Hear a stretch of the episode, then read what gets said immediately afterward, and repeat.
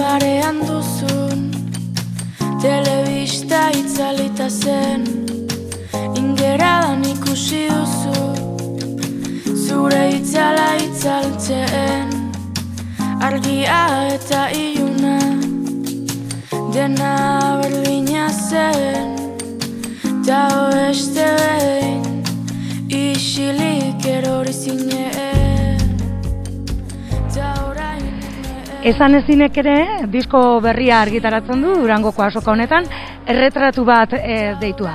Janire da, proiektu horren atzean dagoena. Haupa, eguerdion, Janire.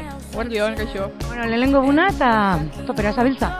Bai, gaur egia esan lehenengo gunetik aina topera azten dugu, estanean egongo geha hor moratu produkzioak estanean bildu gehala artista batzuk. Pero hau jotzen dugu eguerdian, lehenengo aliz joko ditugula kanta berriak, eta bueno, eskatu urduri horrekin ere, baina gogotxu, eta berdiru arratxalean estanean, hasi que egun politia gaur. Lehenengo lan luzea dela esan dezakegu erretratu bat hau. Bai, EPA kaleratu genuen duela bi urte eta egon ginen ere bena urtezen. Baina, bueno, egia da, hasi nintzen ez nuen imaginatzen ez da ere bideak zenbateraino emango zon. Eta jo, oso pozik bigarren diskoa ja markantu eta oso pozik egia esan bidearekin. Eta, bueno, gertatzen nahi zaizkigun gauza guztiekin. Amarkantu bildu dituzu, erretratu bat e, du izena. Ikusten duzunaren inguruko kantuak dira.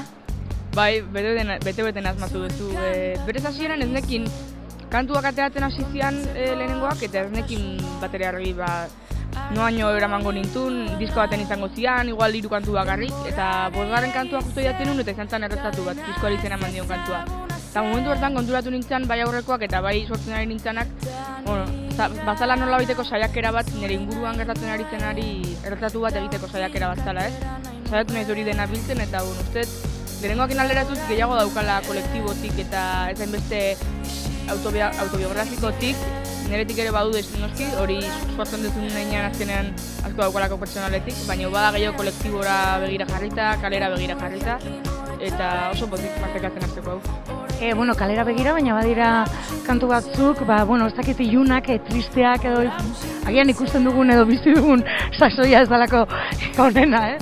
Bai, uste denetik dago, la disko igual bai azten da kantua laiagoekin, baina bukaerarako nik uste bai iluntzen dela, ba, bueno, nik uste baita ere, forkuntza prozesuan ere konturatzen zehalako erretratu hori egin ala, ba, bueno, e, ikusten duzun hori, ba, bueno, ez daukala gehiagire politetik, e, kritikak egin behar direla horre ere, ba, bueno, e, ilunak diren gauzak ere baditugula horren buruan, eta hauei ere, ba, bueno, kasu egin behar diegula, eta kontzienti izan behar gehala, eta nik uste hori ere nahoritzen dela diskoan zehar.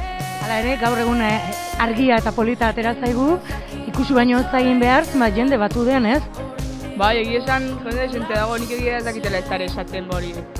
Naiz ez dara nego berrian ezako hau dena, eta baina bai, mugimendua dago, jende desente maten dagoela.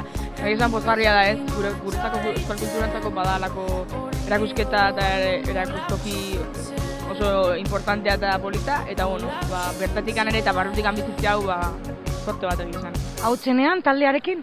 Bai, taldearekin joko dugu, lehenengo aldiz diskoko aurkezten, eta bueno, sekuentziakin ere ba, badala guretzako zerbait berria nobedadea, eta bueno, erronka hori ere hartu dugu, eta bertzen mozuten da. Ba, e, bukatzeko gogoratuko dugu ez, e, zestanetan eskuratu daiteken ere e, lan berri hau?